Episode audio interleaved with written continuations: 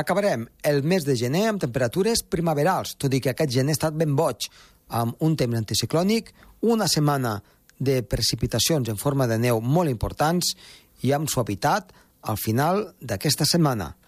Veurem què ens porta el mes de febrer. Ho sabrem en el programa d'avui. Comença el torn.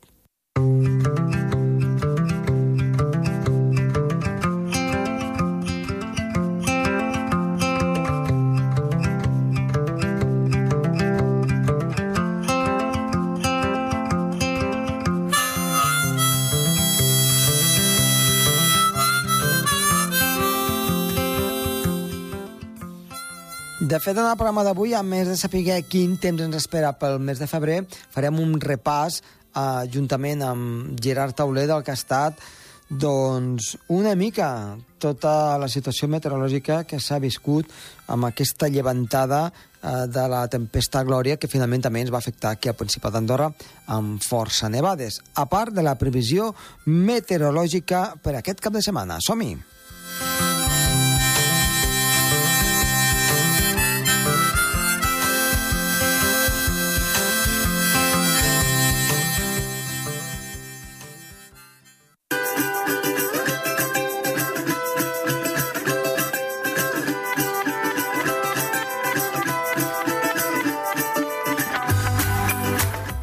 Iniciem el programa i en aquest cas eh, connectem amb Gerard Tauler. Gerard, molt bona tarda. Hola, molt bona tarda, Josep Tomàs. Doncs bé, eh, cal que fem una mica de balanç de tot el que va succeir la setmana passada. Cal dir que aquí a Andorra, eh, Gerard, vam tenir eh, unes bones nevades, en alguns casos fins a un metre de neu, i que vam recollir, diguem-ne, de la part negativa de la pertorbació eh, Glòria, diguem-ne, el millor, que és la neu, i poca afectació més, una mica doncs, a, a les carreteres, però és el típic doncs, de quan neva a, així de sobte, però vaja, per nosaltres ha estat molt beneficiós. Jo voldria que m'expliquessis una mica doncs, a, aquesta llevantada, quins efectes i què és el que ens pot explicar doncs, de, del Pirineu Oriental i de fora del Pirineu. Sí, sí, sí. Doncs els balanços no són gaire positius, no tant com Andorra. No, no són, no són gaire positius. Bueno, alguns llocs sí que han sigut positius. La, la temporada a, a Vallter i a Núria i a la Molina i a Masella d'esquí ben bé durarà, eh, suposo que fins a final de temporada, fins a l'abril, fins a Setmana Santa, no? Uh -huh. Perquè va, va, van acumular un metre 49 centímetres de neu, la cot, l'espessor màxima a ull de terra, la cota 2.340. Uh -huh. Per tant, déu nhi eh? Molta neu, molta neu. Però pel que fa a la precipitació, la precipitació màxima es va assolir a Lliurona, que està al peu del Bassegoda, Mm. entre l'Alt Empordà i el Baix Empordà, ai, eh, i la Garrotxa. 516 litres. Quants? 516 litres, déu nhi eh? 516. 516, molt, molt. És la, la meitat del que cau en aquest observatori al llarg d'un any normal. Una, la, la mitjana climàtica és de 1.000 litres i escaig. No, escolta'm, i a, a part és una zona doncs, que és de ploure, no? Mil litres doncs, ja és una zona de que hi plou bastant. Sí, sí, sí, sí, però va haver inundacions molt i molt fortes. Uh -huh. de- de- 2.400 metres cúbics per segon a la desembocadura del Ter i tot el Baix Ter inundat i la ciutat de Girona també eh, pèrdues milionàries, doncs... Eh, Jo et volia demanar... la- L'aigua va entrar a- a- a- al pavelló de Fontejau deixant-lo inservible, el pavelló de bàsquet, Uh -huh. després a, a Sant Pons, a, a, a, allà al GEC, al- a les instal·lacions esportives, a l'Hospital Josep Trueta, a, a, al camp de futbol del Pont Major a Sarrià, doncs això també el, el va trencar la paret. El riu Ter va tenir una altura de 7 metres a Girona, Mhm. va tenir un capdalt màxim de 2.000 metres cúbics per segon, quan els últims anys la mitjana és de 2 metres cúbics per segon, o sigui, mil ve- vegades la mitjana els últims anys, una, una bestiesa.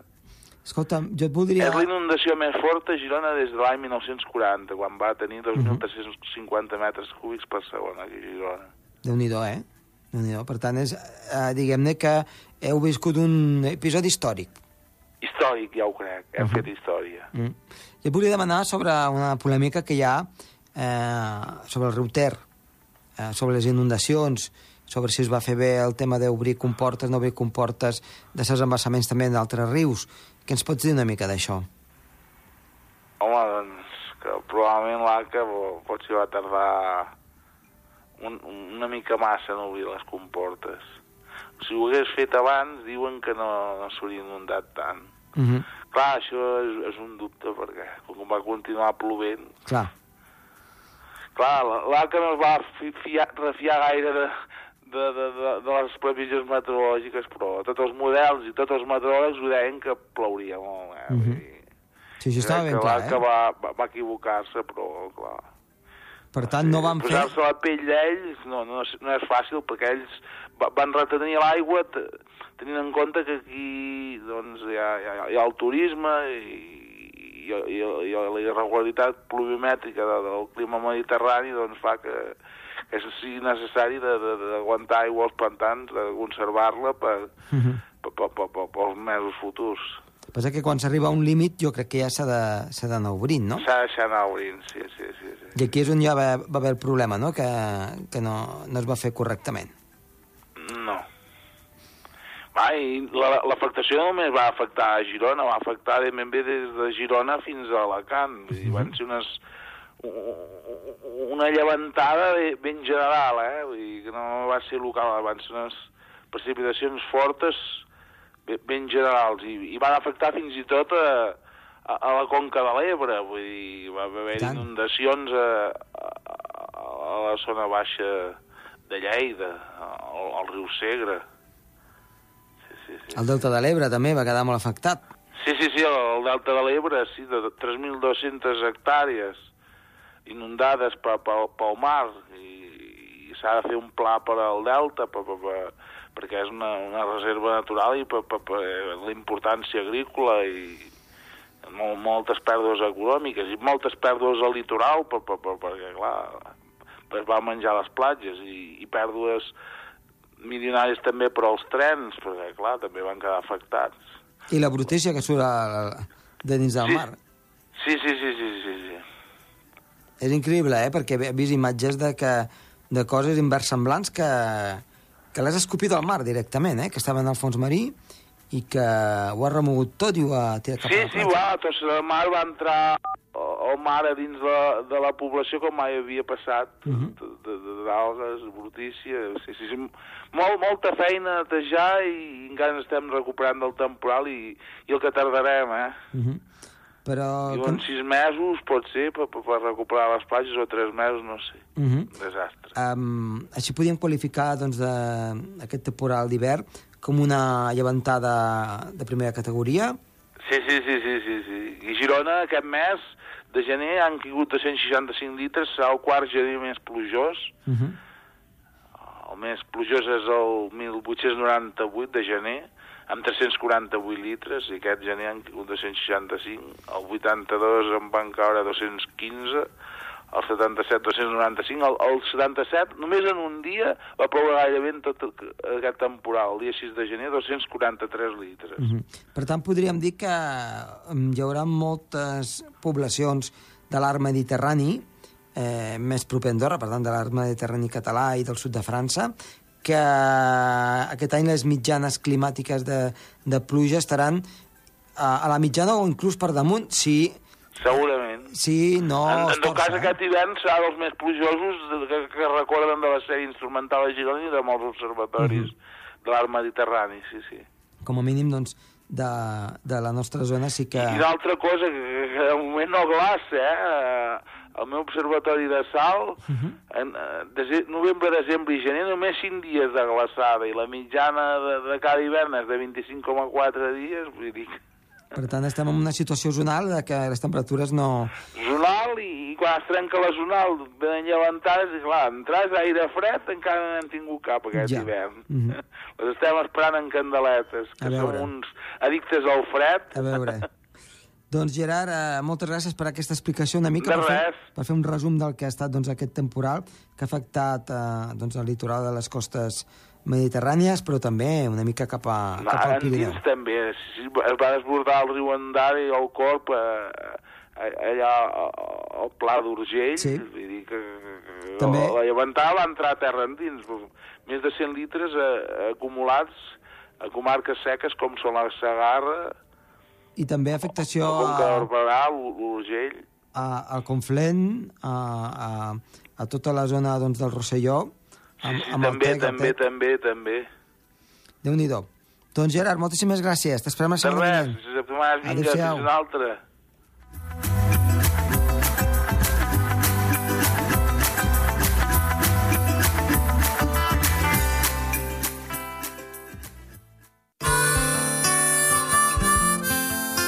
El Torb, amb Josep Tomàs.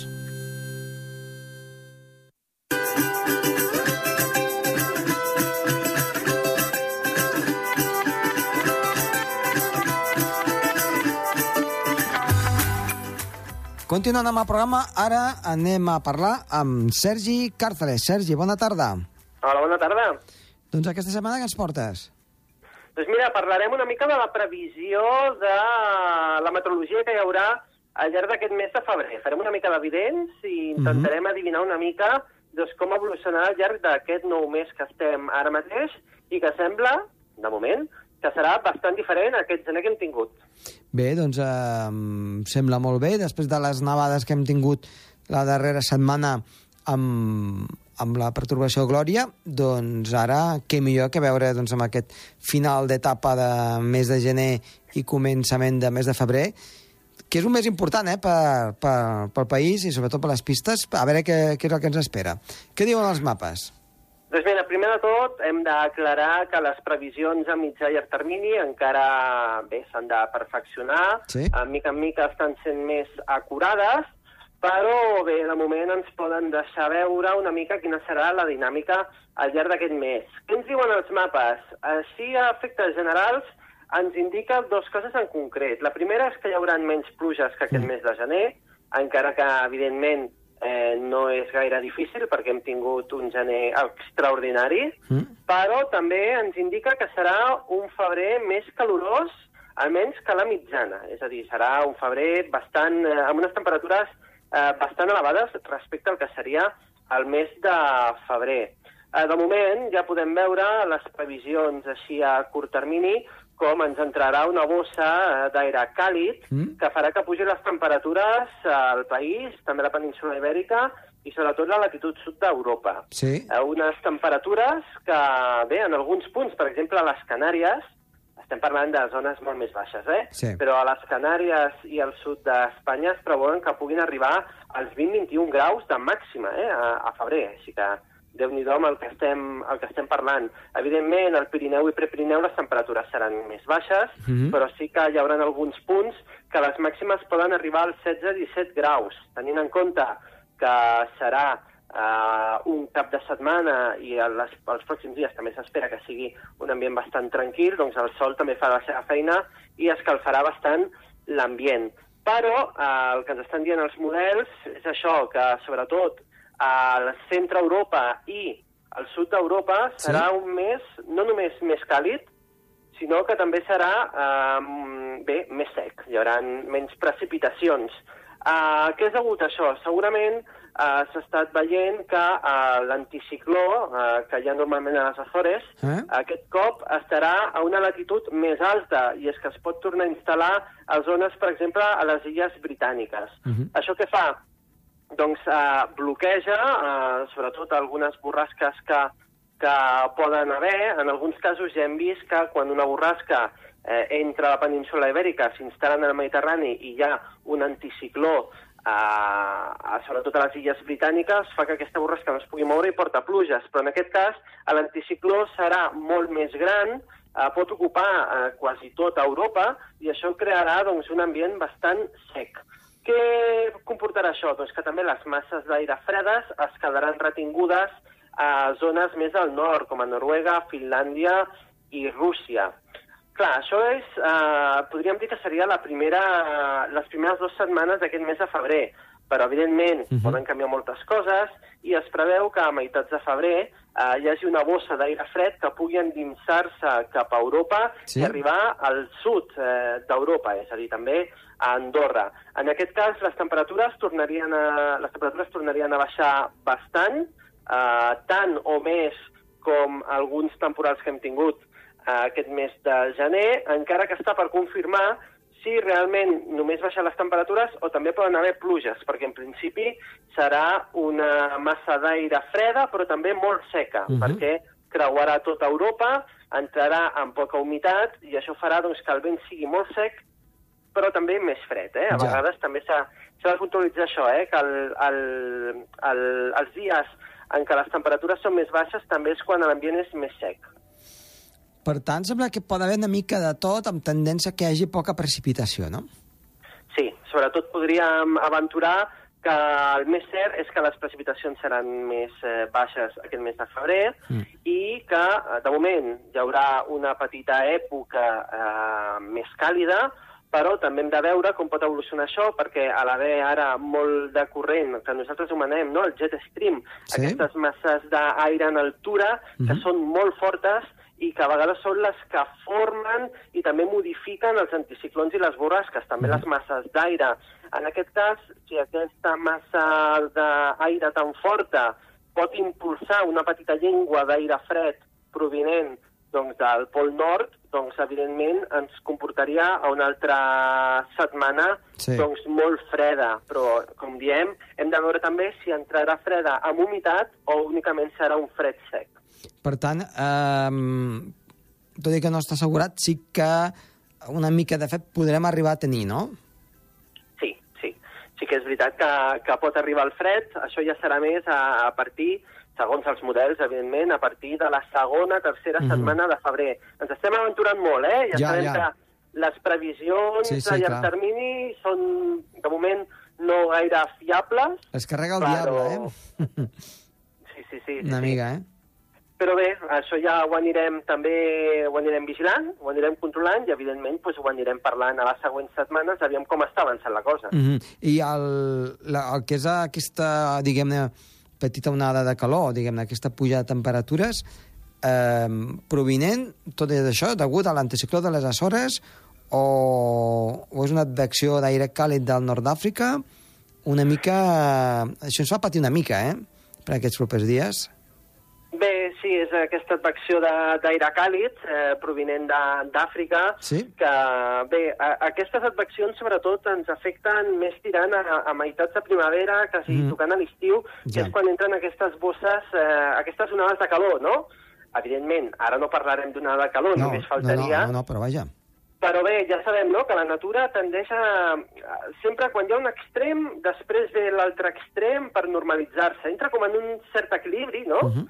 I quan hem tingut una època de molt de fred, després una època de molta calor, quasi, quasi per equilibrar. La natura realment és, és, molt, és molt fascinant perquè té, té aquestes coses i, i bé, tampoc estem parlant d'unes temperatures estiuenques, ara no començarem a anar amb samarreta curta, evidentment, però sí que a, a la meitat del dia, amb el sol picant a, a sobre, doncs notarem quasi, quasi un ambient primaveral. Primaveral, sí. Sí, fins i tot poden haver alguns arbres que s'aventurin Ja. a treure les primeres flors, però Mhm. que no es refin gaire, perquè poden tornar les nevades i aquestes flors s'aniran. Mm, això també va passar l'any passat, allò és com una, com una falsa floració, no?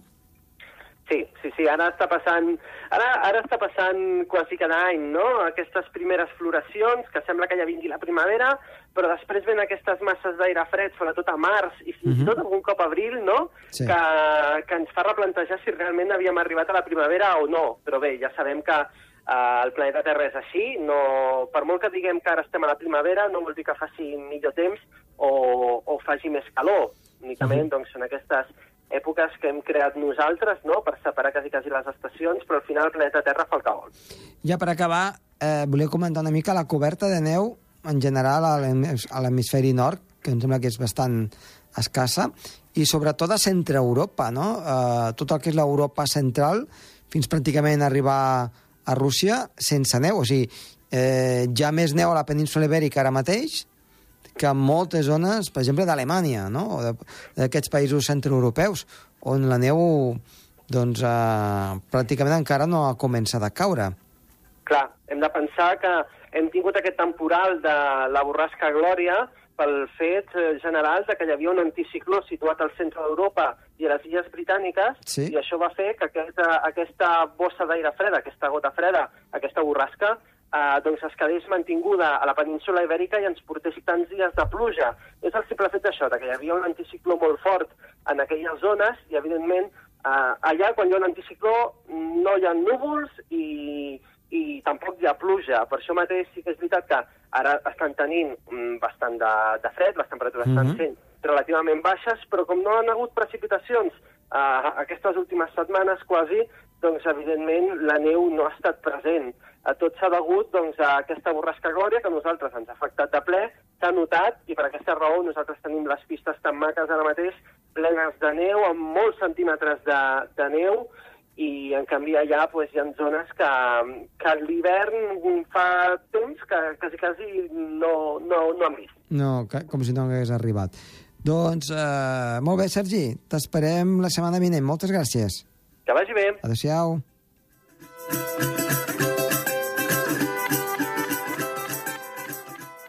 El Torb, amb Josep Tomàs.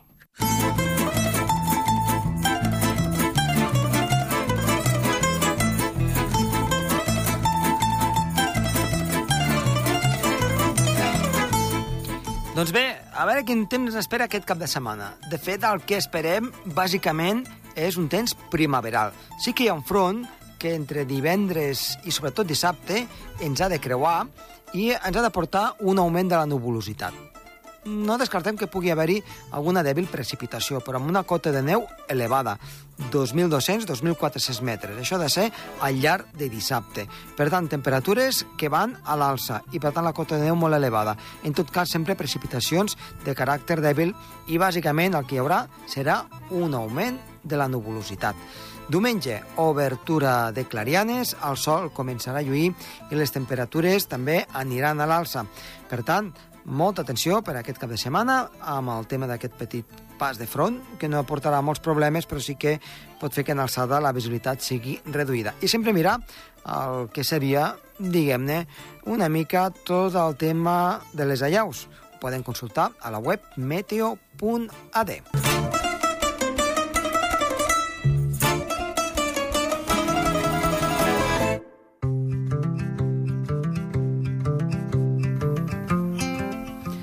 bé, fins aquí el programa d'avui. Esperem que els hagi agradat. Està de les vies de so, Oriol Truix, i que els ha parlat amb molt de gust, Josep Tomàs. Adéu-siau.